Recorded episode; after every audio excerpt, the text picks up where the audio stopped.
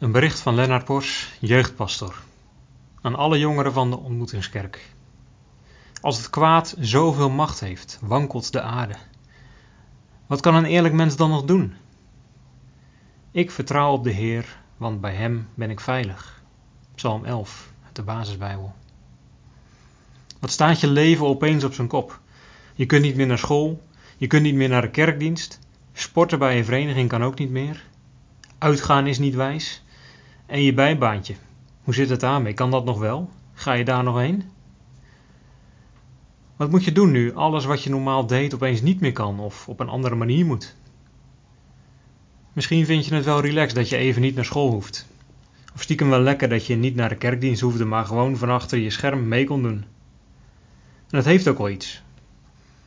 Maar vergis je niet, er is iets serieus aan de hand. Veel mensen worden ziek. Mensen sterven die zonder dit coronavirus niet waren gestorven. Anderen zijn ontzettend bang of eenzaam. En dan is het lastig dat we elkaar niet op kunnen zoeken. Dat we zoveel mogelijk juist in ons huis moeten blijven. Je snapt dat we daarom ook geen jeugdvereniging of pils of categorisatie kunnen doen zoals we dat gewend zijn te doen. We kunnen even niet in real life bij elkaar komen. En zelfs al vind je dat niet zo erg, het is ook wel jammer dat we elkaar niet ontmoeten, dat we elkaar niet spreken. Nou, de eerste dagen misschien nog niet, maar het kan ook wel eenzaam worden. En ik wil je daarom aanmoedigen om alle technieken vooral te gebruiken. App, bel en chat erop los. En heb ook vooral oog voor de jongeren om je heen voor wie dit een extra moeilijke tijd is. En als je nu juist niet naar opa en oma kunt, stuur eens een ouderwets kaartje. Dat kan ook gewoon van achter je computer. Ideaal. Hé, nog even dit.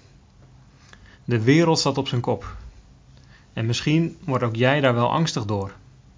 Of voel je juist eenzaam. Of heb je gewoon behoefte aan een gesprek over wat dan ook.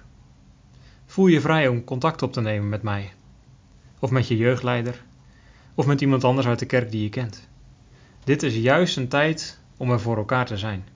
Dus bel, mail of app gerust. En weet in ieder geval dat ik voor je bid. Het ga je goed. Ik wens je God zegen toe.